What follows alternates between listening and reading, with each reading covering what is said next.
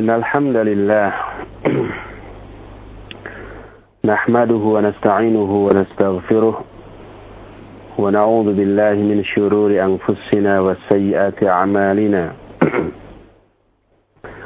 من يهده الله فلا مضل له ومن يضلل فلا هادي له وأشهد أن لا إله إلا الله وحده لا شريك له وأشهد أن محمدا عبده ورسوله.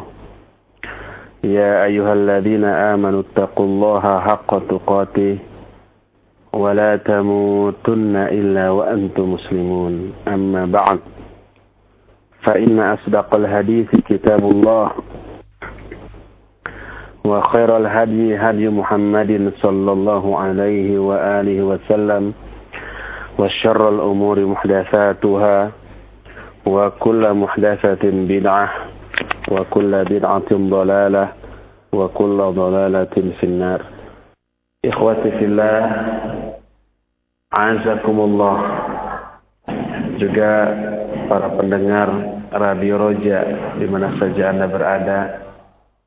Alhamdulillah kita berjumpa kembali untuk melanjutkan kajian kita dari kitab Al-Usul Salasa yang pembahasan kita sudah sampai pada iman kepada hari akhir dan yang sudah kita bahas pada pertemuan yang lalu sudah sampai pada beriman kepada adanya pertemuan dengan Allah Subhanahu wa taala juga beriman kepada adanya al-arad dan al-hisab. Arad artinya ditampakkannya amal-amal, kesalahan-kesalahan, sedangkan hisab artinya diperhitungkannya seluruh amalan yang baik ataupun yang buruk. Itu poin yang kesembilan bagian dari iman kepada hari akhir. Kita akan lanjutkan kepada poin yang ke-10 termasuk bagian dari iman kepada hari akhir adalah beriman kepada adanya pembagian kitab catatan serta saksi-saksi baik dari kalangan para malaikat, para nabi, bahkan juga saksi dari anggota badan kita sendiri. Kita wajib meyakini hal ini karena hal ini Allah nyatakan di dalam Al-Quranul Karim. Berfirman Allah di dalam Al-Kahfi ayat 49, ketika orang-orang yang berdosa di akhirat nanti diberikan kitab catatan amal mereka. Lalu mereka berkata, "Ma li hadzal kitab la yughadiru saghiratan wala kabiratan illa ahsaha." Kitab catatan apa ini yang tidak melewatkan baik amalan kecil ataupun amalan besar kecuali dicatatkannya dalam kitab ini. Ayat ini menjadi dalil tentang akan dibagikannya kitab catatan amal. Az-Zumar ayat 69 menjelaskan tentang saksi dari kalangan para nabi, para malaikat dan saksi berupa kitab catatan amal. Allah berfirman wa asyraqatil ardu bi nuri rabbiha wa wada'al kitab wa ji'a bin nabiyyin wasyuhada Terang benderanglah bumi dengan cahaya Rabb dengan cahaya Allah Subhanahu wa taala. Wa kitab lalu diletakkanlah kitab dan didatangkanlah para nabi dan para saksi. Yang dimaksud para saksi dalam ayat ini kata Atha bin Abi Rabah ay minal mala minal malaikatil hafadhah ala a'malil ibadi. Para saksinya terdiri dari kalangan para malaikat pencatat yang mencatatkan amal-amal setiap hamba. Itu ayat yang menjelaskan persaksian dari para malaikat. Dalam An-Nisa 41 Allah berfirman, "Fakaifa idza ji'na min kulli ummatin bisyahid wa ji'na bika 'ala haula'i syahida?" Bagaimana apabila kami mendatangkan seorang saksi dari setiap umat? dan kami datangkan engkau, hai Muhammad, sebagai saksi atas mereka. Saksi bagi setiap umat adalah nabinya masing-masing. Sedangkan Nabi Wasallam menjadi saksi atas umatnya. Berkata Ibnu Jarir Beliau meriwayatkan sebuah hadis yang diterima dari Utsman bin Affan radhiyallahu an.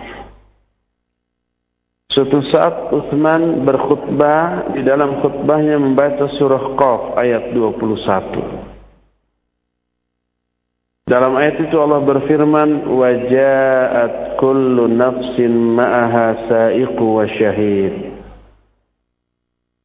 Datanglah setiap jiwa diiringi dengan sa'iq dan syahid. Kata Uthman, sa'iq yasukuha ilallah ta'ala. Wa syahid yashhadu alaiha bima umilat. Yang dimaksud sa'iq, sa'iq, sa'iq itu penuntun. Guide. Sa'iq yang dimaksud di sini adalah sa'iq yang menggiring setiap jiwa menuju kepada Allah sedangkan syahid atau saksi yang dimaksud dalam ayat ini adalah saksi atas seluruh amal-amal yang mereka lakukan. Kata Abu Hurairah radhiyallahu an, sa'iq atau penuntun dalam ayat ini adalah para malaikat.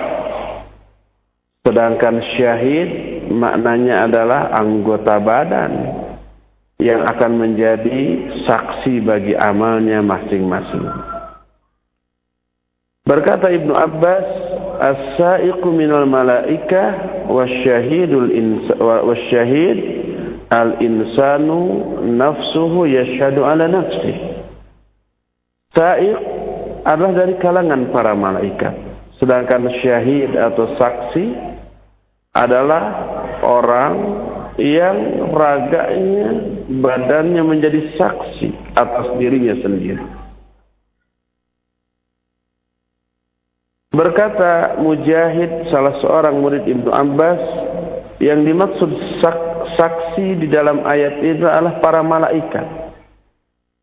Beliau menyatakan al-malaikatu yashhaduna lirrusul bitabligh wa 'alal kuffar bitakdzib.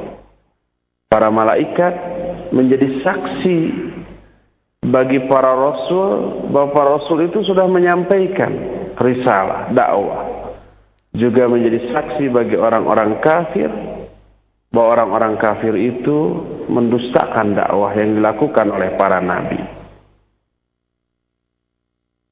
Imam Al-Bukhari mengutip sebuah hadis dalam kitab sahihnya dari Abu Sa'id Al-Khudri radhiyallahu an.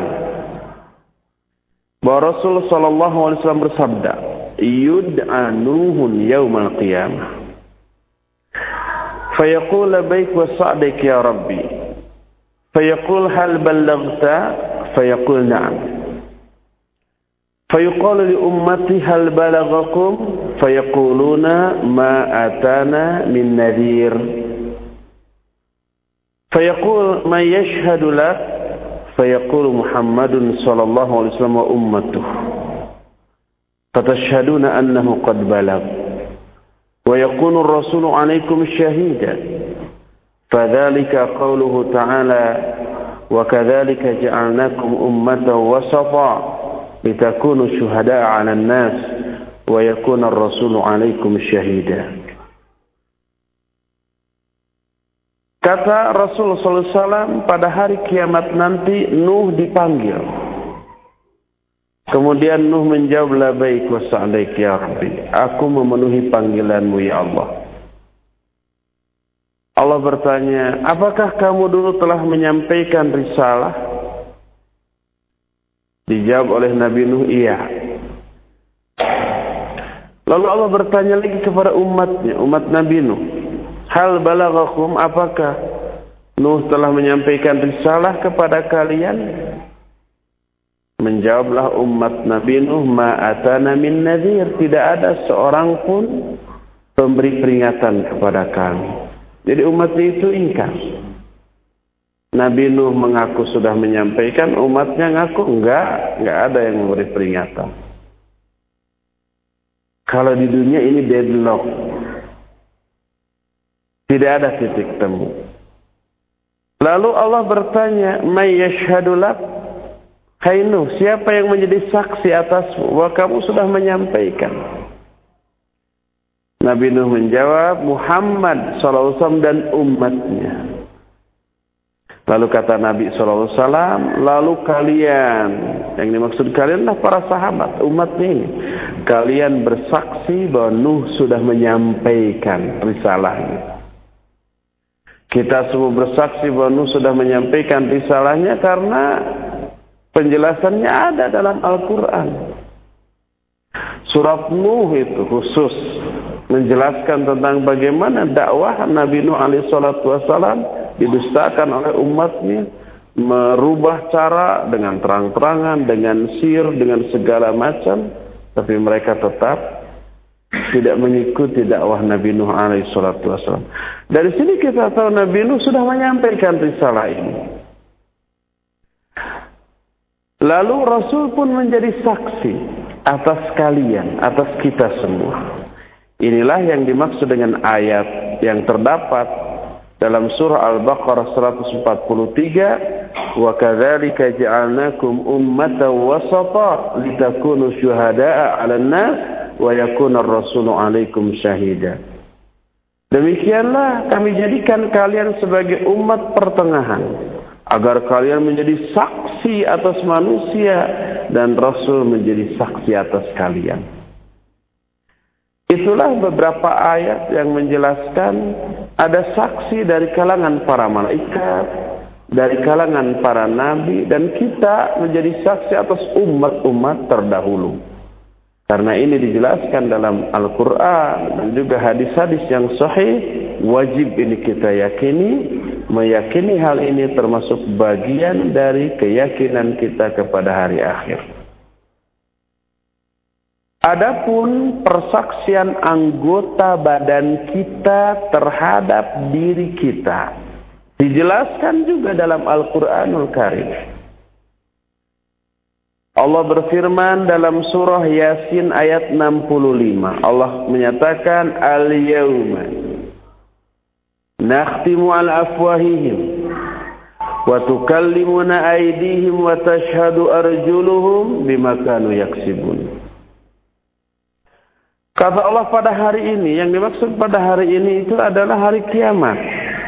Pada hari ini kami kunci, kami tutup mulut-mulut mereka. Mulut manusia nggak lagi bisa bicara. Lalu berbicaralah tangan mereka dan kaki mereka pun bersaksi atas apa yang mereka lakukan dulu ketika di dunia.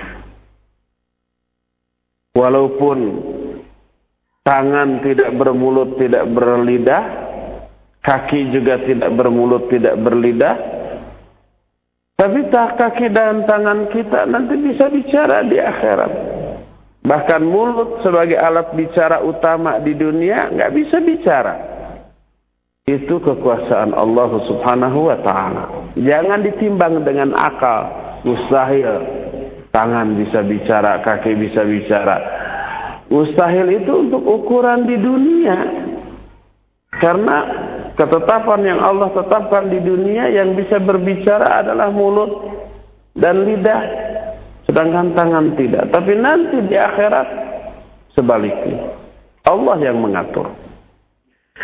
Lihat umpai surah Fussilat mulai ayat 19 dan ayat 23. Wa yawma yuhsyaru a'da'ullahi ila nar fahum yuza'un. Hatta idza ma ja'u syahida 'alaihim sam'uhum wa absaruhum wa juluduhum bima kanu ya'malun. Wa qalu li juludihim lima syahidtum 'alaina? Qalu antaqana Allahu alladhi antaqa kulla syai' wa huwa khalaqakum awwala marrah wa ilaihi turja'un. Pada hari ketika musuh-musuh Allah dikumpulkan, digiring ke dalam neraka dalam keadaan mereka itu ketakutan. Sehingga apabila mereka sudah sampai ke neraka, bersaksilah pendengaran mereka, penglihatan mereka, dan kulit-kulit mereka atas apa yang telah mereka lakukan dulu ketika di dunia. Berkatalah mereka kepada kulit-kulit mereka sendiri. Lima syahidtum alaina. Kenapa kalian bersaksi mencelakakan kita? Berkatalah si kulit, Antaqana Allahul ladzi antaqa kulla. Allah telah membuat kami bisa bicara dan Allah lah telah yang telah membuat segala sesuatu bisa bicara. Wa huwa khalaqakum wa ilaihi turja'un. Dan Allah lah yang telah menciptakan kalian pertama kali dan hanya kepadanya pula lah kalian semuanya akan kembali. Ayat ini secara tegas jelas menyatakan bahwa nanti yang akan berbicara di hari kiamat itu kulit, pendengaran, penglihatan, telinga, mata, tangan, kaki itu semua menjadi saksi atas amalan-amalan yang kita lakukan. Sebuah hadis yang diriwayatkan oleh Imam Muslim diterima dari Anas bin Malik radhiyallahu an.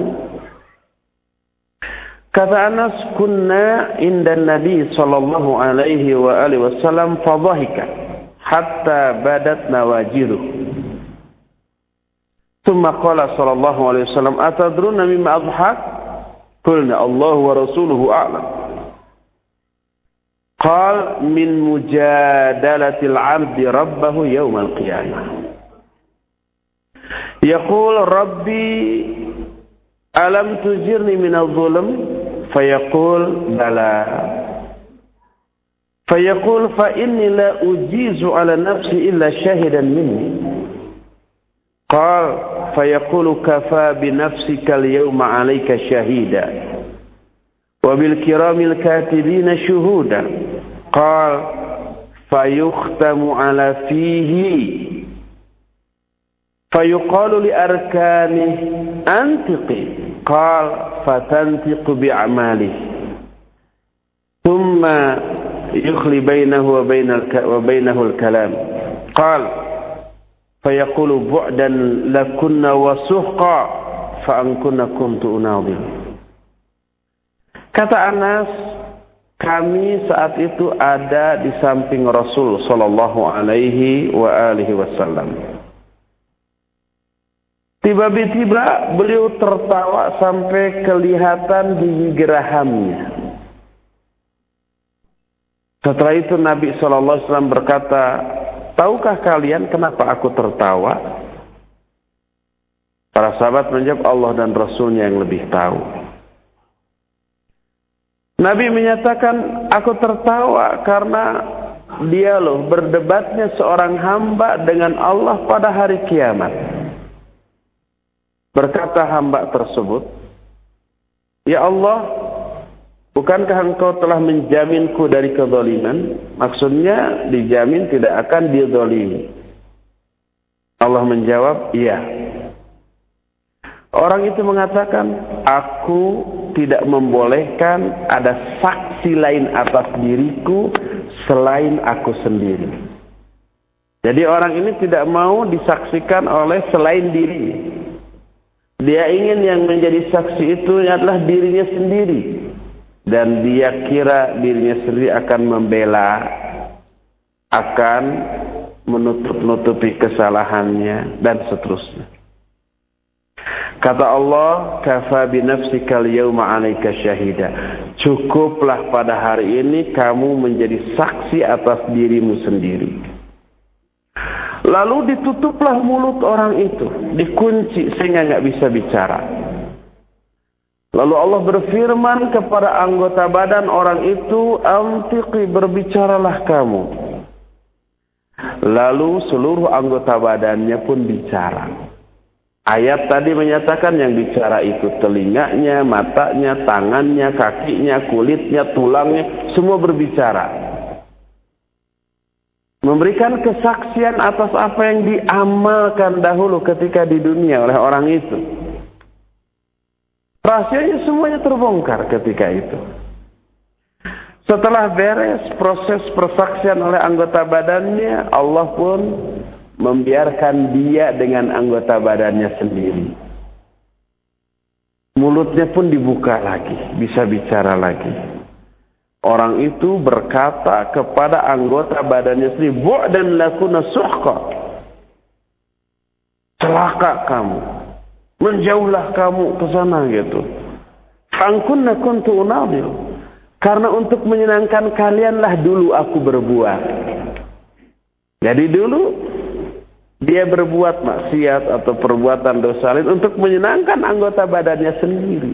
Tapi di akhirat anggota badannya sendiri ternyata memberi kesaksian atas kejahatannya. Bertengkarlah dia dengan anggota badannya sendiri. Bahkan dalam hadis lain riwayat Imam Muslim, An-Nasai, Abu Daud dan yang lain-lainnya dari Abu Hurairah radhiyallahu an Nabi SAW menceritakan proses ketika seorang munafik dihisab oleh Allah Subhanahu wa taala. Dia ditanya ma anta, manusia jenis apa kamu ini? Orang itu menjawab ana abduk amantu bik wa bin nabiyyik wa bi kitabik wa sumtu wa sallaitu wa tasaddaqtu wa yutni bi khairi ma mastata'. Orang itu menjawab, Aku hambamu ya Allah. Dulu aku beriman kepadamu, kepada nabimu, kepada kitabmu. Aku juga saum, aku juga sholat, aku juga sodakoh. Dia memuji dirinya semampu dia. Allah mengatakan, Ala nab'athu alaika syahid, syahidana. Mau enggak? Aku datangkan bagimu saksi. Orang itu berpikir siapa yang akan menjadi saksi atas dirinya. Fayuhtamu ala fihi. Lalu dikuncilah mulut orang itu sehingga nggak bisa bicara. Fayuqalu li fakhidhi antiqi. Lalu Allah berkata kepada paha orang itu, bicaralah kamu. Si paha pun bicara. Paha bisa bicara nanti pada hari kiamat. Disebutkan fatantiku fakhiduhu walahmu wa azmu bima kana ya'mal. Berbicaralah pahanya, dagingnya, tulangnya, bicara tentang, apa yang dilakukanlah orang itu. Ternyata persaksian dari anggota badannya itu bertolak belakang dengan omongan orang tadi. Orang tadi kan ngomongnya iman ke kepada Allah, kepada nabinya, kepada kitabnya, salat, sodako, uh, seabrek pujian tertumpuk pada diri itu menurut lisannya. Tapi apa? Tapi kenyataannya anggota badannya sendiri memberikan kesaksian yang sebaliknya. Itulah orang-orang munafik. Dalam Al-Quran Al-Karim disebutkan Kata Allah Subhanahu wa taala, "Yauma jami'an wa lahu kama yahlifuna lakum wa yahsabuna annahum 'ala ala innahu huwa kadhibun." Kata Allah, pada hari kiamat kami akan bangkitkan mereka semuanya. Lalu orang-orang munafik bersumpah kepada Allah sebagaimana mereka bersumpah kepada kalian. Sumpah palsu, orang-orang munafik biasa. Mereka menyangka mereka berada di atas kebenaran. Ingat, mereka itu pendusta. Lihat surah Al-Munafiqun. Idza ja'akal munafiqun qalu nashhadu innaka la rasuluh. La rasulullah. Wallahu ya'lamu innaka la rasuluh. Wallahu yashhadu innal munafiqina lakadzibun. Dusta orang-orang munafik itu. Itu beberapa ayat dan juga hadis-hadis yang sahih tentang adanya saksi dari kalangan anggota badan kita sendiri selain dari kalangan para malaikat, para nabi, manusia dan seterusnya dan itu pasti akan terjadi dan wajib wajib wajib kita yakini. Karena itu dijelaskan dalam Al-Qur'an dan hadis yang sahih. Dan meyakini hal itu termasuk bagian dari keyakinan kita kepada hari akhir. Poin berikutnya. Termasuk bagian dari iman kita kepada hari akhir adalah beriman kepada adanya mizan. Mizan itu artinya timbangan. Yang akan menimbang amal-amal kita di akhirat nanti. Ditimbang dengan dosanya. Mana yang lebih berat? Kalau yang lebih berat adalah pahala kebaikan, dia selamat. Kalau yang lebih berat adalah dosa-dosanya, dia celaka. Kalau seimbang antara pahala dan dosa sama, maka sementara dia akan berada di sebuah tempat antara surga dan neraka yang disebut dengan Al-A'raf sebuah bukit yang tinggi. Kalau dia melihat ke kanan, ke arah surga, dia tersenyum, bahagia, dan ingin ke surga. Kalau melihat ke kiri, ke neraka, dia menangis, sedih, ngeri, takut dimasukkan ke dalam neraka. Sementara. Tapi sementaranya tidak ditetapkan waktunya berapa lama. Apakah hitungan bulan, hari, minggu, atau tahun, atau abad, Allahu a'lam tapi akhirnya dia dimasukkan juga ke dalam surga. Adanya mizan atau timbangan wajib kita yakini karena itu dijelaskan oleh Allah ditetapkan dalam Al-Quran dan hadis-hadis yang sahih. Lihat surah Al-Anbiya ayat 47. Allah berfirman, "Wa nadha'ul mawazin al-qista li yaumil qiyamah fala tuzlamu nafsun syai'a." Kami letakkan timbangan yang adil pada hari kiamat. Sehingga tidak ada satupun jiwa yang terbolimi di hari itu. Timbangannya adil, tidak akan dikurangi, tidak akan dijaili seperti umumnya para pedagang ya pada zaman sekarang kena dengan ayat wailulil mutaffifin. Kalau Allah enggak, adil. Lihat juga Al-Quran surah Al-A'raf ayat 8 dan ayat 9. Allah berfirman, والوزن يومئذ الحق. فمن ثقلت موازينه فأولئك هم المفلحون. ومن خفت موازينه فأولئك الذين خسروا أنفسهم بما كانوا بآياتنا يظلمون. Dan timbangan pada hari itu benar. Maka siapa orang yang berat timbangan amal kebaikannya, mereka lah orang-orang yang akan berbahagia. Tapi siapa orang yang ringan timbangan amal kebaikannya, mereka lah orang-orang yang merugikan diri mereka sendiri karena mereka dulu, dulu zalim kepada ayat-ayat kami. Lihat juga surah Al-Qari'ah yang antum semuanya, ikhwan akhwat, juga para pendengar radio raja pasti sudah hafal fa'amma man thaqulat mawazinu fahuwa fi 'ishatin radiyah. Wa amma man khaffat mawazinu fa ummuhu hawiyah. Itu ayat-ayat yang berbicara tentang adanya timbangan pada hari akhirat. Sehingga wajib untuk kita yakin tidak meyakini hal itu karena ingkar kepada ayat ini bisa kufur. Karena mengingkari ayat walaupun hanya satu ayat menyebabkan orang itu bisa kufur walaupun mengi, me, tidak mengingkari atau masih mengakui ayat-ayat lain. Selain ayat, hadis yang menjelaskan adanya mizan juga banyak. Saya ungkapkan satu aja di antaranya. Hadis yang diterima dari Anas bin Malik radhiyallahu an kata Anas Sa'altu Nabiyya sallallahu alaihi wa alihi wasallam ayashfa'a li yawm al-qiyamah faqala ana fa'ilu yani insyaallah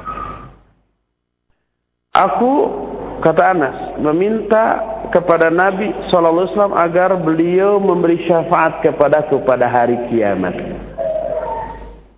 Lalu Nabi menjawab, aku akan lakukan insya Allah. Ingat, harus pakai insya Allah terhadap apa yang akan kita lakukan di masa yang akan datang ya. Kemarin, hari Ahad yang lalu, waktu daurah keluarga Sakinah, saya ungkapkan sebuah hadis yang diriwayatkan oleh Imam Al-Bukhari dalam kitab Sahihnya dalam bab man talabal walad lil jihad. Orang yang menginginkan anak untuk jihad nantinya. Kata Nabi SAW berkata Sulaiman bin Dawud alaihi salatu wassalam. Kata Sulaiman, la'atufunna al-lailah alami'ati imro'atin. Aku akan menggilir seratus orang istri-istriku dalam semalam. Dan aku berharap dari seratus orang itu lahir masing-masing satu anak. Jadi seratus anak yang kelak akan menjadi mujahid di jalan Allah. Faqala lahu sahibuhu berkatalah sahabatnya kepada Sulaiman, "Qul insyaallah." Katakan olehmu insyaallah. Walam yakul insyaallah. Tapi dia tidak mengatakan insyaallah. Falam tahmil minhunna illa imra'atun wahidah. Ja'at bisyaqqir rajul. Dari seratus orang istri-istrinya tidak ada yang hamil kecuali satu. Dan melahirkan anak hanya setengah dari ukuran biasa. Nabi Sulaiman, syariat yang berlaku pada masa itu membolehkan istri seratus. Kalau di zaman kita nggak boleh. Maksimal berapa? Empat. Kalau mampu. Kalau kira-kira nggak mau mampu berbuat adil cukup satu. Khiftum alla ta'dilu ma tabalakum minan nisa'i masna wa wa ruba' khiftum alla alla ta'dilu. Nikahi oleh kalian wanita-wanita yang kamu sukai dua, tiga, empat. Tapi kalau kalian khawatir tidak bisa berbuat adil, cukup satu. Tidak boleh lebih dari empat. Tapi di zaman Nabi Sulaiman boleh seratus. Nabi Sulaiman seratus. Dan tidak ada yang hamil dari seratus orang istri-istrinya kecuali satu. Kata Nabi SAW, Lau qala insyaallah. Seandainya dia dulu mengatakan insyaallah, pasti semuanya ikan hamil dan melahirkan seratus anak yang menjadi mujahidin di jalan Allah. Dahsyatnya pengaruh insyaallah. Jadi ketika Anas bertanya kepada Nabi SAW meminta agar beliau nanti kelak di akhirat memberi syafaat kepada dirinya kata Nabi ana fa'il insyaallah. Aku akan laksanakan insyaallah. Lalu aku bertanya kata Anas ya Rasulullah fa aina atlubu wahai Rasulullah di mana aku mencarimu nanti pada hari kiamat? Ingin memastikan nanti kita ketemu di mana? Janjian dulu ya Kata Nabi sallallahu alaihi wasallam, "Utlubni awwala ma tatlubuni ala sirat." Cari aku di per, di awal pencarian kamu dalam mencari aku di atas sirat. Di atas jembatan sirat. Aku bertanya lagi. Kata Anas, "Fa ilam alqika ala sirat kalau aku tidak menemukanmu di atas sirat, di mana lagi?" Kata Nabi SAW, Fatlubni indal mizan. Cari aku di samping mizan, di samping timbangan. Kata Anas, fa'ilam alkika indal mizan. Kalau aku tidak menemukanmu di samping mizan, di mana lagi? Kata Nabi SAW, Fatlubni indal haud, fa inni la ukhti hadhi salas al-mawatin. Cari aku di samping haud, di samping telaga. Aku tidak mungkin meleset salah satu di antara tiga tempat tadi. Kalau enggak di atas syarat, di samping mizan, kalau enggak di samping haud. Tiga tempat itu pasti ketemu. Hadis riwayat Imam At-Tirmidzi yang sahih ini menunjukkan tiga hal ini ada. Sirat ada, mizan ada, haud ada. Makanya Nabi Shallallahu Alaihi Wasallam menyuruh Anas untuk mencari beliau di tiga tempat itu. Salah satu di antara tiga tempat ini adalah mizan. Sehingga wajib kita yakini bahwa di akhirat nanti ada mizan, ada timbangan. Timbul pertanyaan, apa yang ditimbang? Ada tiga poin yang ditimbang. Pertama, annahu al-a'malu nafsuha. Pertama, amal itu sendiri. Makna dari amal di sini adalah pahala dari amal itu. Karena sebuah riwayat yang disebutkan oleh Al-Baghawi dari Ibnu Abbas radhiyallahu anhuma disebutkan fatajassama af'alul ibad wa tudau fil mizan.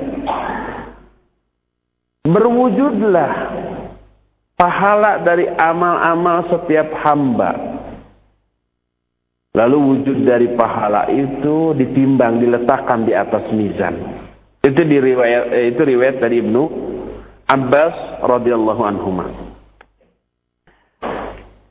Nawas bin Sam'an menyatakan Aku mendengar Nabi sallallahu alaihi wa alihi wasallam bersabda, "Yu'ta bil Qur'ani yaumal qiyamah wa ahli alladziina kanu ya'maluna bihi." Akan didatangkan pada hari kiamat Al-Qur'an dan orang-orang yang dulu mengamalkan Al-Qur'an. Nanti Al-Qur'an akan datang beserta orang-orang yang mengamalkannya. Dalam riwayat lain, Inna siyama wal Qur'an yashfa'ani bil abdi yaumal qiyam. Saum dan Al-Quran akan menjadi pemberi syafaat bagi seorang hamba pada hari kiamat. Berkata saum, Rabbi mana'tuhu anit ta'am wa syarab wa syahwat syafi'ni fihi. Ya Allah, Aku telah menghalangi orang ini dari makan, minum, dan syahwat. Jadikan aku sebagai pemberi syafaat kepada orang ini. Berkata juga Quran. Qala al-Quran, Rabbi mana'tuhu anin naum. Ana al-lailu atrafan nahar. Ya Allah, aku telah menghalangi orang ini dari tidur, dari istirahat karena membaca aku. Maka jadikan aku sebagai pemberi syafaat. Lalu diizinkan. Jadi Al-Quran, saum, itu akan berbicara nanti.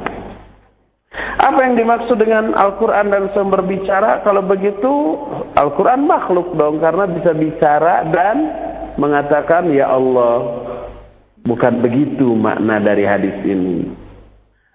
Berkata Imam At-Tirmidzi rahimahullah, makna hadal hadis inda ahli ilmi annahu yaji'u thawabu qiraatihi. Makna hadis ini menurut para ulama adalah yang datang itu adalah pahala dari membaca Al-Quran. Pahalanya bukan Al-Qurannya. Bukan mushafnya, bukan Al-Quran sebagai kalamullahnya, tapi pahala dari bacaan Al-Quran yang dibaca oleh orang itu dan diamalkan ketika di dunia dulu. Itu yang akan datang. Itu yang berwujud kemudian berbicara. Itulah juga yang kemudian akan ditimbang. Berdasarkan hal itulah maka salah satu yang akan ditimbang dari amal-amal kita adalah pahala. Pahala dari amal-amal kita nanti. Ini yang pertama. Jadi makin banyak pahala, makin besar, makin berat timbangan kita.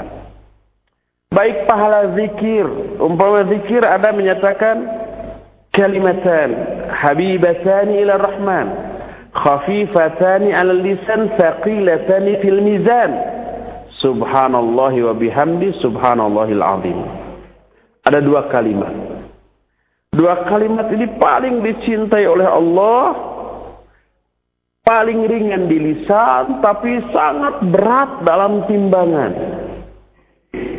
Mengucapkannya ringan dengan lisan, tapi pas ditipu beratnya luar biasa.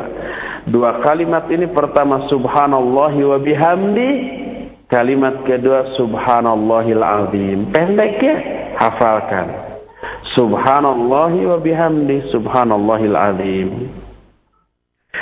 Ini hadis sahih terdapat dalam kitab Sahih Bukhari dari Abu Hurairah radhiyallahu anhu. Apalagi yang membuat timbangan kita berat, la ilaha illallah. Kata Nabi Nuh alaihi salatu wassalam, ketika Nabi Nuh ini mau meninggal, kata Nabi sallallahu alaihi wasallam yang diterima dari Abdullah bin Amr bin As radhiyallahu anhuma anna Nuhan alaihi salam qala li ibnihi inda mauti. Bahwa Nuh alaihi salatu wasallam berkata kepada anaknya ketika Nabi Nuh meninggal. Kata Nabi Nuh, "Amuruka bila ilaha illallah, fa inna samawati sab'a wal ardina sab'a law wudi'at fi kifatin wa la ilaha illallah fi kifatin la rajahat la ilaha illallah la rajahat bihinna la ilaha illallah." Aku perintahkan kepada kamu untuk mengatakan la ilaha illallah.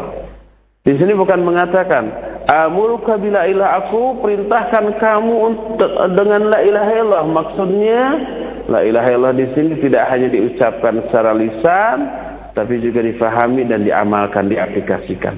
Aku perintahkan kamu untuk mengamalkan la ilaha illallah. Karena sungguhnya langit yang tujuh beserta bumi yang tujuh ini gede ya, berat kalau ditimbang. Langit dan bumi yang tujuh. Kalau langit dan bumi yang tujuh diletakkan di sebuah daun timbangan. Dan la ilaha illallah diletakkan di daun timbangan yang lainnya. Akan lebih berat kepada la ilaha illallah. Ini yang akan membuat timbangan kita super berat di akhirat nanti. Selain itu yang bisa membuat timbangan kita berat, akhlak yang baik. Karena Nabi SAW bersabda, Ma syai'un afqalu fi mizanil mu'mini yaumal qiyamah min khuluqin hasanin. Atau kama qala sallallahu alaihi wasallam. Tidak ada sesuatu pun yang lebih berat dalam timbangan seorang mukmin pada hari kiamat nanti dibanding akhlak yang baik. Akhlak yang baik juga menyebabkan timbangan kita sangat berat. Pahala dari semua itu, pahala dari la ilaha illallah, pahala dari zikir yang dua kalimat yang tadi subhanallah bihamdi subhanallah azim, akhlak dan yang lain-lainnya itu semuanya ditimbang. Nanti dibandingkan dengan kesalahan atau dosa kita. Inilah poin yang pertama yang ditimbang dari diri kita yaitu pahala dari amal-amal kita. Kedua, yang juga ditimbang adalah buku catatan amal. Amal-amal kita yang baik ataupun yang buruk kan dicatat oleh malaikat. Allah berfirman dalam Al-Quranul Karim dalam surah Qaf coba lihat.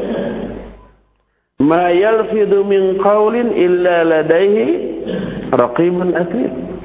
Tidak ada satupun kata yang keluar dari mulut kecuali di sisinya ada rokib dan atid. Dicatat tuh. Sampai ketika Imam Ahmad rahimahullah, rahimahullah mau meninggal karena sakitnya luar biasa beliau merintih. Ketika dilayat oleh salah seorang kawannya, dia menyatakan sungguhnya aku mendengar si fulan berkata si fulan yang dimaksudlah Paulus salah seorang ulama juga pada masanya. Bahwa Allah akan mencatat semua kata yang keluar dari mulut kita hatal anin sampai rintihan pun dicatat. Sejak saat itu Imam Ahmad tidak pernah lagi merintih sampai meninggalnya beliau. Itu dicatat semua yang baik ataupun yang buruk ucapan ya. Kemudian tingkah laku atau perbuatan kita makanya hati-hati bicara. Uh anak-anak muda sekarang kalau berbicara itu melibatkan dunia binatang dalam omongannya. Sehingga memanggil ke kawannya juga dengan sebutan binatang. Hei gogok mau ke mana Kata kawannya yang disebut gogog itu, eh mau ke sini gog. Oh itu obrolan antara dua gogog. Padahal itu orang. Itu dicatat semuanya itu.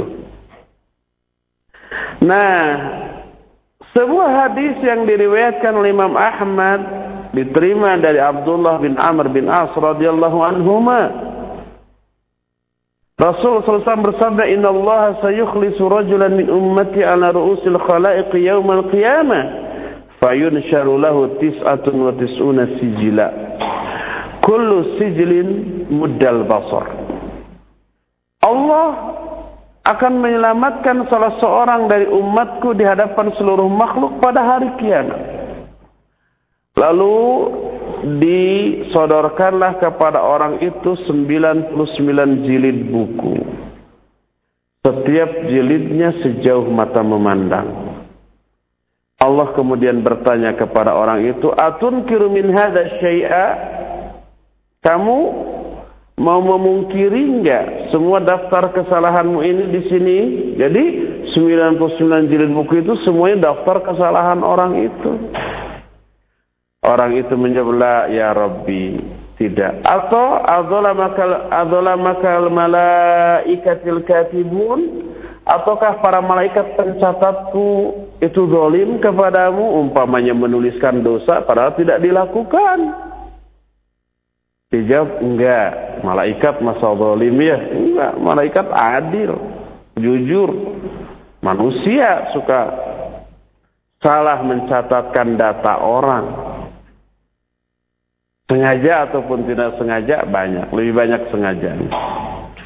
Kata Allah, "Afalaka udhrun aw hasana?" Apa kamu punya uzur enggak atau punya kebaikan yang bisa menghapus dosa-dosa ini? Orang ini menjawab, "Tidak ya Allah." Kata Allah, "Bala innalaka indana hasanah wahidah." Ya, menurut kami engkau punya satu kebaikan. La zulma 'alaikal yaum pada hari ini kamu tidak akan dizalimi. Fayukhriju lahu bitaqa fiha asyhadu an la ilaha illallah wa asyhadu anna muhammadar rasulullah.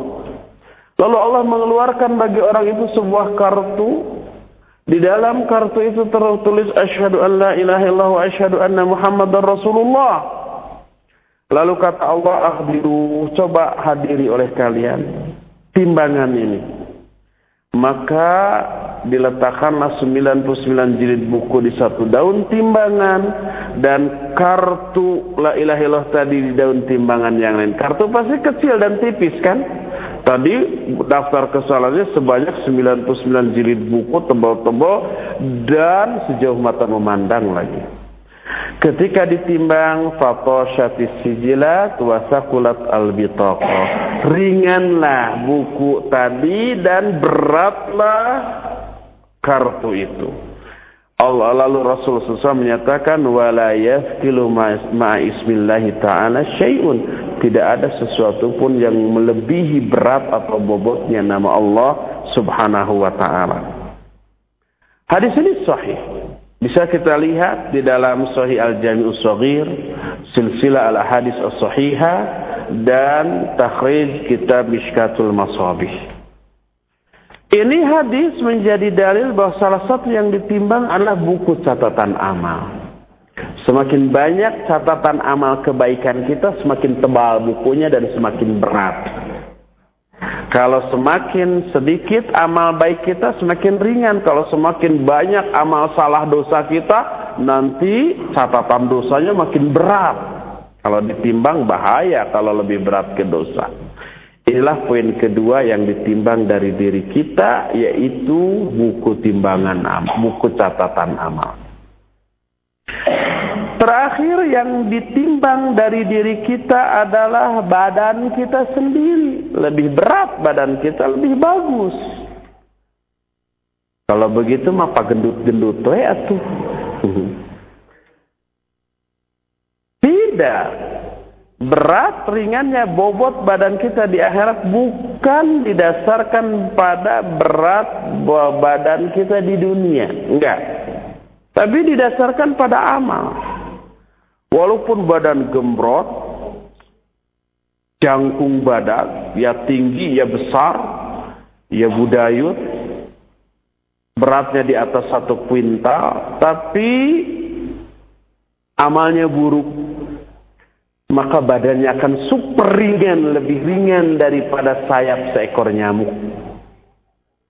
Sebaliknya walaupun kurus, kering gitu ya, cuma tulang dibalut kulit umpamanya. Tapi kalau dipakai untuk ibadah bisa lebih berat daripada bobot sebuah gunung.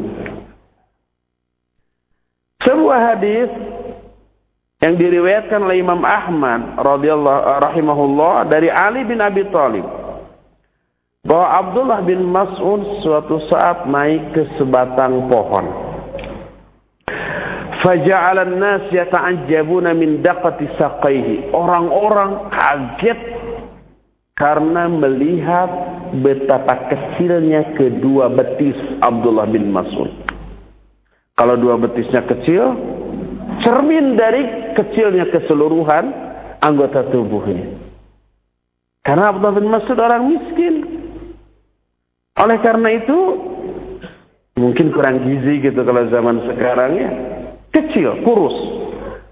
Saking kecilnya, orang-orang kaget. Kalau nggak kecil-kecil amat, nggak akan kaget. Termasuk Rasul Shallallahu Alaihi Wasallam saat itu juga melihat, lalu beliau berkomentar, "Walladhi nafsi biyadi, huma fil mizan min Uhud." Demi Allah yang jiwaku berada dalam genggaman tangannya, kedua betis Abdullah bin Mas'ud itu dalam timbangan lebih berat dibandingkan dengan gunung Uhud. Baru kedua belah betisnya aja tuh. Enggak sama badannya, tangannya, kepalanya. Dua betis saja sudah lebih berat daripada gunung Uhud. Karena amalnya. Dalam hadis yang diriwayatkan Imam Al-Bukhari dalam kitab sahihnya dari Abu Hurairah radhiyallahu an, Rasul sallallahu bersabda, "Innahu la ya'ti ar-rajulul 'azimu saminu yaumal qiyamah la yazinu 'inda Allah janaha ba'udah." Akan datang nanti pada hari kiamat orang laki-laki yang besar dan gemuk. Nah, jangkung badak budayut nih tapi ketika ditimbang bobot badannya tidak melebihi berat sayap seekor nyamuk. Sayap nyamuk ya jangankan sayapnya dengan nyamuknya sekalian ditimbang itu kayak timbangan nggak akan bergeming sedikit pun saking ringannya. Apalagi sayapnya aja. Orang yang gemuk dan besar tadi nggak ada bobot sama sekali ketika ditimbang karena amal-amalnya buruk lebih ringan daripada sayap seekor nyamuk. Lalu Nabi SAW menyatakan, Iqra'u fala nuqimu lahum yawmal qiyamati wazna. Inilah tiga poin yang ditimbang dari kita. Pertama, pahala dari amal kita. Kedua, buku catatan amal. Dan yang terakhirlah bobot badan kita sendiri. Nah, semua itu ayat dan hadis tadi menjelaskan adanya mizan Oleh karena itu wajib bagi kita meyakini bahwa mizan atau timbangan pada hari kiamat ada. Dan meyakini hal ini termasuk bagian dari iman kita kepada hari akhir. Tidaklah sempurna iman kita kepada hari akhir tanpa keimanan kepada mizan ini. Ikhwati fillah, sore hari ini kita cukup sampai poin itu saja dulu. Insya Allah poin-poin berikutnya dari iman kepada hari akhir akan kita lanjutkan pada Jumat yang akan datang. Uh, sekarang kita masih punya waktu untuk bertanya jawab. Dan untuk yang pertama silakan Akhi Fawas untuk menampung pertanyaan dari pendengar Radio Raza. Alhamdulillah. Nah, kami ucapkan terima kasih jazakallah khairan kepada Ustaz yang telah membahas uh, syarah usul salasah pembahasan dari iman kepada hari akhir di kesempatan sore hari ini dan selanjutnya khotel Islam kami berikan kesempatan untuk Anda yang akan bertanya. Untuk Anda kami berikan kesempatan di 0218236543 atau dengan melalui pesan singkat di 0819896543. Tapi Ustaz kami angkat pertanyaan yang terlebih dahulu dari pesan singkat dari saudara Eko di Jakarta yang bertanya, Ustaz Barakallahu Fikum tadi telah dijelaskan bahwa Rasulullah SAW akan menjadi saksi atas umatnya. Yang jadi pertanyaan apakah Rasulullah juga akan menjadi saksi bagi para pelaku bid'ah dan ahlu bid'ah dan bagaimana persaksian Rasulullah SAW atas mereka? Mohon penjelasannya jazakumullahu khairan. Iya. Salah seorang penanya dari Radio Roja menanyakan bahwa Rasul SAW akan menjadi saksi atas umatnya. Apakah beliau juga akan menjadi saksi atas umatnya yang merupakan pelaku ahlul bid pelaku kebidahan? Para ahlul bid'ah di kalangan umatnya. Jawabnya iya, karena para ahlul bid'ah, para ahli maksiat yang kebidahan dan kemaksiatannya tidak mengeluarkan mereka dari keislaman berarti masih menjadi bagian dari umat Rasul Sallallahu Alaihi Wasallam dan terkena dengan keumuman dalil ayat atau hadis yang menyatakan wa yakuna rasulu alaikum syahida. Rasul akan menjadi saksi atas kalian semua. Tapi persaksian Rasul Sallallahu Alaihi wa alihi Wasallam kepada para ahlul bid'ah tentu saja tidak dalam bentuk yang menyelamatkan atau membenarkan kebidahan mereka. Nanti kita akan secara detail menjelaskan tentang beberapa bentuk kesaksian. Ya. Oleh karena itulah maka e, jawaban dari pertanyaan tadi menyatakan bahwa iya Nabi juga menjadi saksi atas seluruh umat baik yang taat ataupun yang maksiat. Ya. ahli sunnah ataupun ahli bid'ah selama mereka tidak keluar dari keislamannya. Wallahu ya. alam. Silakan Baik, selanjutnya kami akan pertanyaan dari Bapak Arsyad di Pulau Gadung Jakarta Timur. Assalamualaikum Pak. Ya Assalamualaikum. Assalamualaikum warahmatullahi silakan Pak. Ini dia mau nanya. Ya terputus tampaknya. Nah, terputus Ustaz, mohon maaf. Selanjutnya kami angkat pertanyaan dari pendengar kita uh, mengenai masalah sirat Ustaz. Apakah uh, yang nanti dilewati oleh manusia itu dalam uh, uh, sirat dalam arti hakiki atau kiasan Ustaz? Mohon penjelasannya. Iya, ada pertanyaan tentang sirat. Tadi sedikit disinggung sirat. Nah, padahal nanti Jumat depan juga poin berikutnya beriman kepada sirat. Syirat artinya jembatan yang terbentang di atas api neraka sebelum menuju surga gitu ya. Apakah makna syirat di sana hakiki atau majazi? Apakah sebenarnya atau sekedar kiasan? Jawabannya hakiki, bukan sekedar kiasan. Insya Allah nanti dalil-dalil tentang syirat, penjelasan syirat akan kita uh, perdalam pada Jumat yang akan datang sebagai penjelasan uh, poin berikutnya dari hal-hal yang tadi sudah dijelaskan. Allahu a'lam. Nah, selanjutnya masih dari penelpon Ustaz ya, ada seorang ibu di Jakarta Selatan yang sudah masuk. Assalamualaikum Ibu. Waalaikumsalam. Silakan Ibu. Uh, uh, uh, kalau misalnya saya tanya keluar dari tema. Iya, uh, tentang apa Ibu? Tentang kemusyrikan gitu. Iya, nah, silakan Ibu.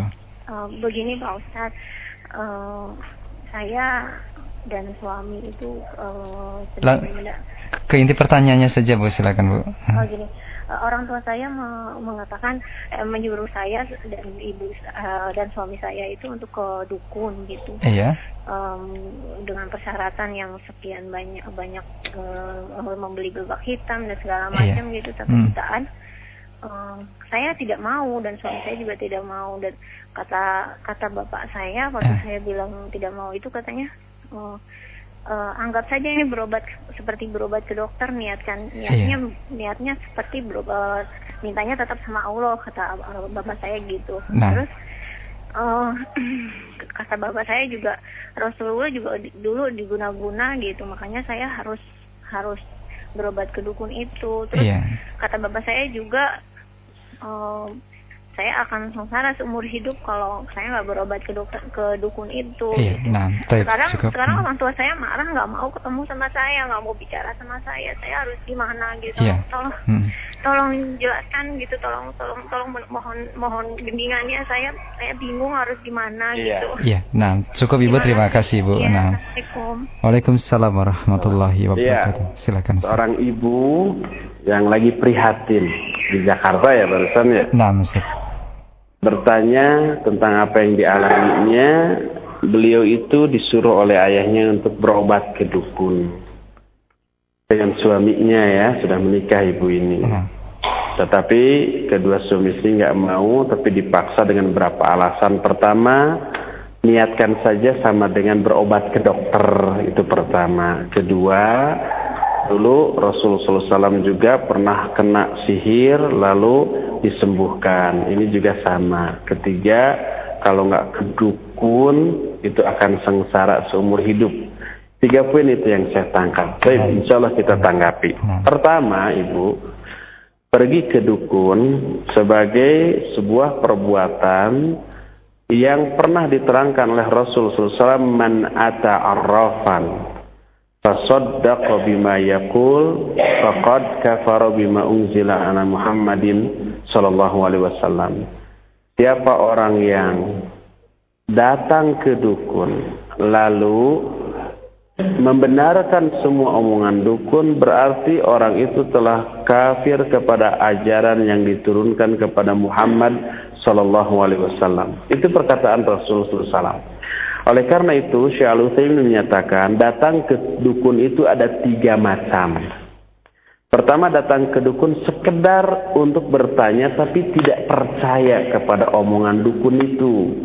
Ah iseng-iseng aja gitu ya baik datang langsung atau tidak datang hanya komunikasi lewat SMS saja umpamanya ketik reg spasi ramal spasi kirim ke anu gitu ya sama ya itu juga sama dengan datang ke dukun baik percaya atau tidak kalau tidak percaya maka selama 40 hari 40 malam sholatnya tidak akan diterima oleh Allah subhanahu wa ta'ala dan dosa besar. Kedua, orang yang datang ke dukun dan percaya kepada omongan dukun. Berarti orang ini telah kufur kepada ajaran yang diturunkan kepada Nabi Muhammad sallallahu alaihi. Itu lebih besar lagi dosanya. Nah, yang ketiga ini yang terbaik, datang ke dukun untuk mendakwahi si dukun agar berhenti dari profesi dukunnya. Udah Pak Dukun, ini syirik ini, ini menipu orang ini, berhenti tobat, itu bagus. Kalau sampai tobat itu sesuatu yang luar biasa. Itu Bu yang pertama, jadi untuk kepentingan apa pun ja- jangan walaupun sekedar iseng dan tidak percaya karena berakibat 40 hari 40 malam sholat kita tidak akan diterima oleh Allah Subhanahu wa taala. Ini poin yang pertama. Kedua, dulu Rasul SAW pernah kena sihir benar. Hadisnya sahih riwayat Imam Al-Bukhari dalam kitab Sahih Bukhari. Nah, tapi penyembuhan yang dilakukan oleh Rasul SAW bukan kedukun, tapi dengan diruqyah oleh malaikat Jibril, dibacakan surah Al-Falaq, surah An-Nas sampai sembuh. Penyembuhannya bukan kedukun. Menyembuhkan seseorang atau termasuk diri kita dari kejahatan orang, termasuk kejahatan jin berupa sihir, berupa santet seperti itu, itu harus dilakukan. Tapi caranya tidak boleh dengan cara yang terlarang. cara terlarang dengan kedukun. Menyembuhkan sihir dengan sihir adalah haram, tidak boleh. Karena Islam sudah komplit, ajaran yang lengkap, apa pun ada. Sehingga ketika seseorang kena sihir, maka Islam sudah menyediakan metode penyembuhannya dengan rukyah, dengan iman, dengan zikir seperti yang pernah teralami oleh Rasul SAW. Tersihirnya Rasul SAW merupakan anugerah besar bagi umatnya. Karena apa? Karena kita menjadi ada contoh. Oh dulu juga Nabi pernah tersihir. Kalau ada umat yang tersihir, oh Nabi juga dulu cara mengobatnya begini-begini. Kita mempunyai contoh cara mengobatinya. Dan ini tidak bertentangan dengan kemaksuman Rasul SAW. Kemaksuman beliau hanya dalam hal syariat. Adapun sifat kemanusiaan beliau tetap ada. Beliau kalau tidak makan, lapar. Kalau tidak minum, haus. Kalau tidak tidur, ngantuk dan kelelahan. Kalau ditonjok orang, sakit. Kalau disabet pedang, ya keluar darah. Kalau ada binatang umpah yang menggigitnya, apakah anjing atau harimau, pasti akan terluka dan berdarah dan kalau yang berbuat jahat itu dari kalangan jin ya kena juga sebagaimana manusia biasa dan itu tidak bertentangan dengan kemaksuman beliau karena menyangkut aspek kemanusiaan beliau beliau sebagai manusia biasa tapi ketika inilah yang membuat sempurnanya ajaran Islam. Karena contoh Nabi kita adalah dari kalangan manusia, bukan dari kalangan malaikat. Sehingga apa yang bisa beliau lakukan juga mestinya bisa dilakukan oleh manusia. Penderitaan yang dialami oleh manusia pada umumnya juga dialami oleh beliau ketika ibadah, ketika dakwah, ketika jihad, dan seterusnya. Oleh karena itu, ini hikmah yang besar sekali bagi umatnya. Jadi Nabi SAW betul kena sihir. Tetapi cara penyembuhannya bukan kedukun. Tapi diruqyah oleh ayat Al-Quran itu sendiri sampai sembuh. Oleh karena itu, yang menjadi hal yang harus diperhatikan ketika sakit bukan sekedar bagaimana eh, apa bukan tujuan akhirnya bukan agar kita sembuh saja, tapi juga cara penyembuhannya dengan cara yang tidak dilarang oleh syariat. Kedukun mungkin sembuh. Tapi bukan hanya kesembuhan yang kita cari, tetapi apakah cara mencari kesembuhan itu halal apa haram? Itu juga harus kita perhatikan. Dan inilah yang harus kita perhatikan ketika kita berobat kepada pengobatan alternatif. Gitu ya. Bagaimana caranya? Apakah kita boleh berobat ke sana atau tidak? Kita lihat dua hal. Pertama, kalau cara pengobatan itu ya ada hubungan sebab akibat dengan penyakit kita. Masuk akal, terbukti secara medis, terbukti secara empiris. Ya. Walaupun tidak ada sunnahnya di zaman Rasul sallallahu alaihi wasallam, maka boleh kita lakukan. Contoh umpamanya batuk. Kita minum obat batuk tertentu, nggak perlu saya sebutkan merek. Terus sembuh. Boleh. Walaupun nggak ada sunnahnya di zaman Rasul sallallahu alaihi wasallam, tapi ini menyangkut urusan dunia dan ada hubungan sebab akibat antara obat batuk itu dengan batuk yang kita derita, gitu ya. Tidak, oh itu minum obat batuk, batuk bid'ah di zaman Nabi nggak ada itu, nggak ada bid'ah urusan dunia ini, bukan urusan agama. Selama ada hubungan sebab akibat antara obat itu dengan penyakit kita boleh dilakukan. Kalau itu terbukti ilmiah, masuk akal, bisa diterangkan secara medis, secara empiris bisa dibuktikan, boleh baik ada sunnahnya ataupun tidak ada sunnahnya. Ada contohnya dari Nabi ataupun tidak ada, boleh dilakukan. Itu pertama. Kedua, itu ada sunnahnya nggak dari Rasul. Baik masuk akal ataupun tidak. Walaupun tidak masuk akal, tapi kalau itu dilakukan oleh Nabi, lakukan, boleh. Contoh dengan metode rukyah. Orang sakit, Terus dirukyah kita bacakan ayat-ayat Al-Quran kepada air, lalu air itu diminumkan kepada orang yang sakit itu. Ini dilakukan oleh Nabi, oleh para sahabat, dianjurkan oleh para ulama. Boleh. Walaupun itu nggak masuk akal. Setelah diteliti, umpamanya air yang dijampe-jampe dibaca-baca ayat itu tidak mengandung obat apa pun. Biasa aja seperti air biasa umpamanya ya. Tidak masuk akal, tidak ilmiah, tidak sesuai dengan teori kedokteran, Tetapi kalau itu ada contohnya dari Nabi Shallallahu Alaihi Wasallam, walaupun tidak masuk akal, walaupun tidak ilmiah, walaupun umpamanya tidak uh, sesuai dengan teori kedokteran modern, boleh kita lakukan. Selama itu ada contohnya dari Nabi Shallallahu Alaihi Wasallam. Kata Syal Utsaimin, metode penyembuhan dengan rukyah yang sesuai dengan syariat lebih mujarab, lebih mati daripada dengan obat biasa.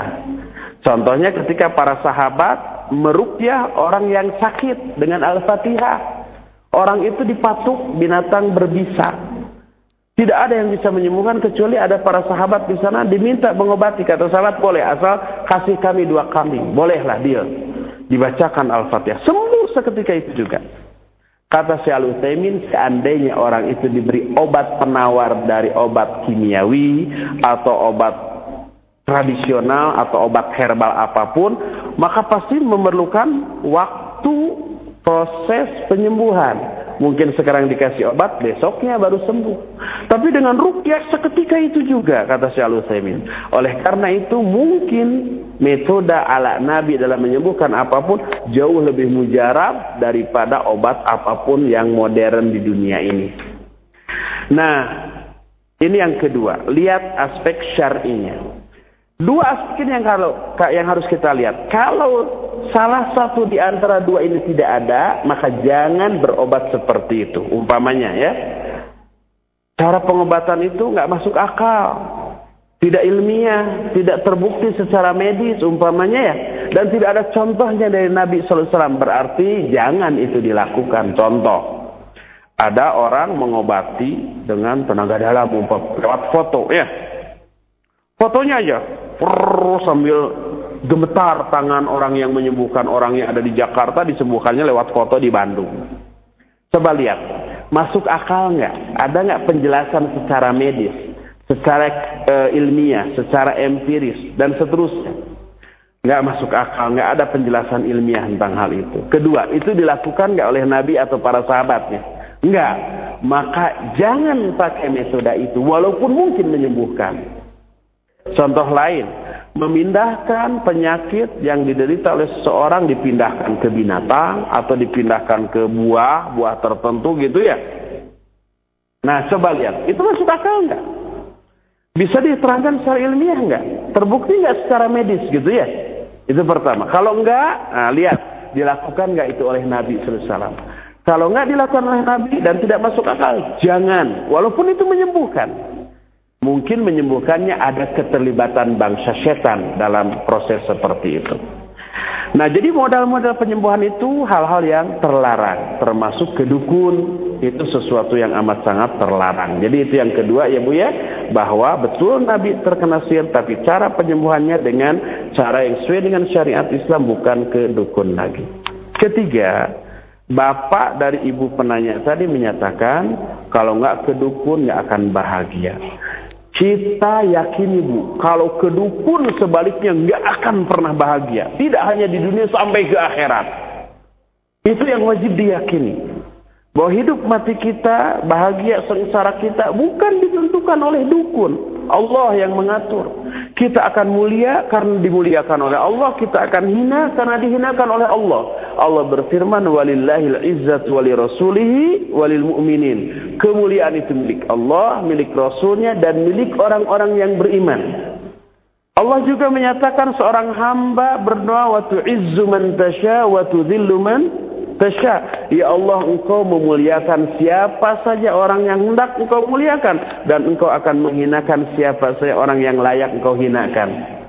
Dalam hadis sahih riwayat Imam Muslim Rasul SAW bersabda, "Inna Allah yarfa'u qauman bihadzal kitab wa yad'u bihi akharin."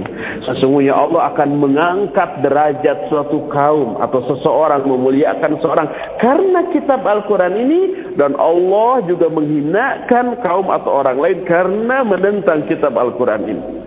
Jadi ibu yang bertanya tadi, selama ibu berada di atas kebenaran, berpegang teguh kepada Al-Quran dan As-Sunnah, selama itu insya Allah Allah akan memuliakan ibu. Memuliakan siapa saja yang demikian, walaupun orang lain mengancam dengan ancaman awas kamu akan e, menderita seumur hidup, tidak akan bahagia, akan sengsara, akan sia. Walaupun banyak orang yang mengancam begitu, tapi kita ingat yang mengatur kehidupan kita adalah Allah bukan dukun.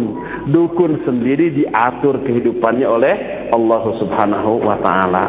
Jadi ibu yang bertanya tadi tenang, yakinlah bahwa ibu tidak akan terkena apa-apa dengan ucapan bapak tadi ya.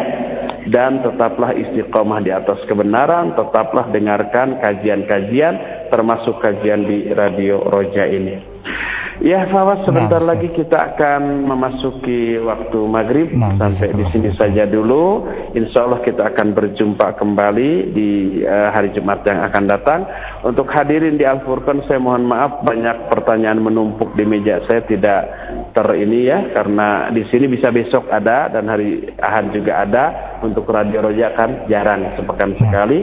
Jadi nanti pertanyaan untuk hadirin di sini cukup besok Sabtu dan Ahad saja.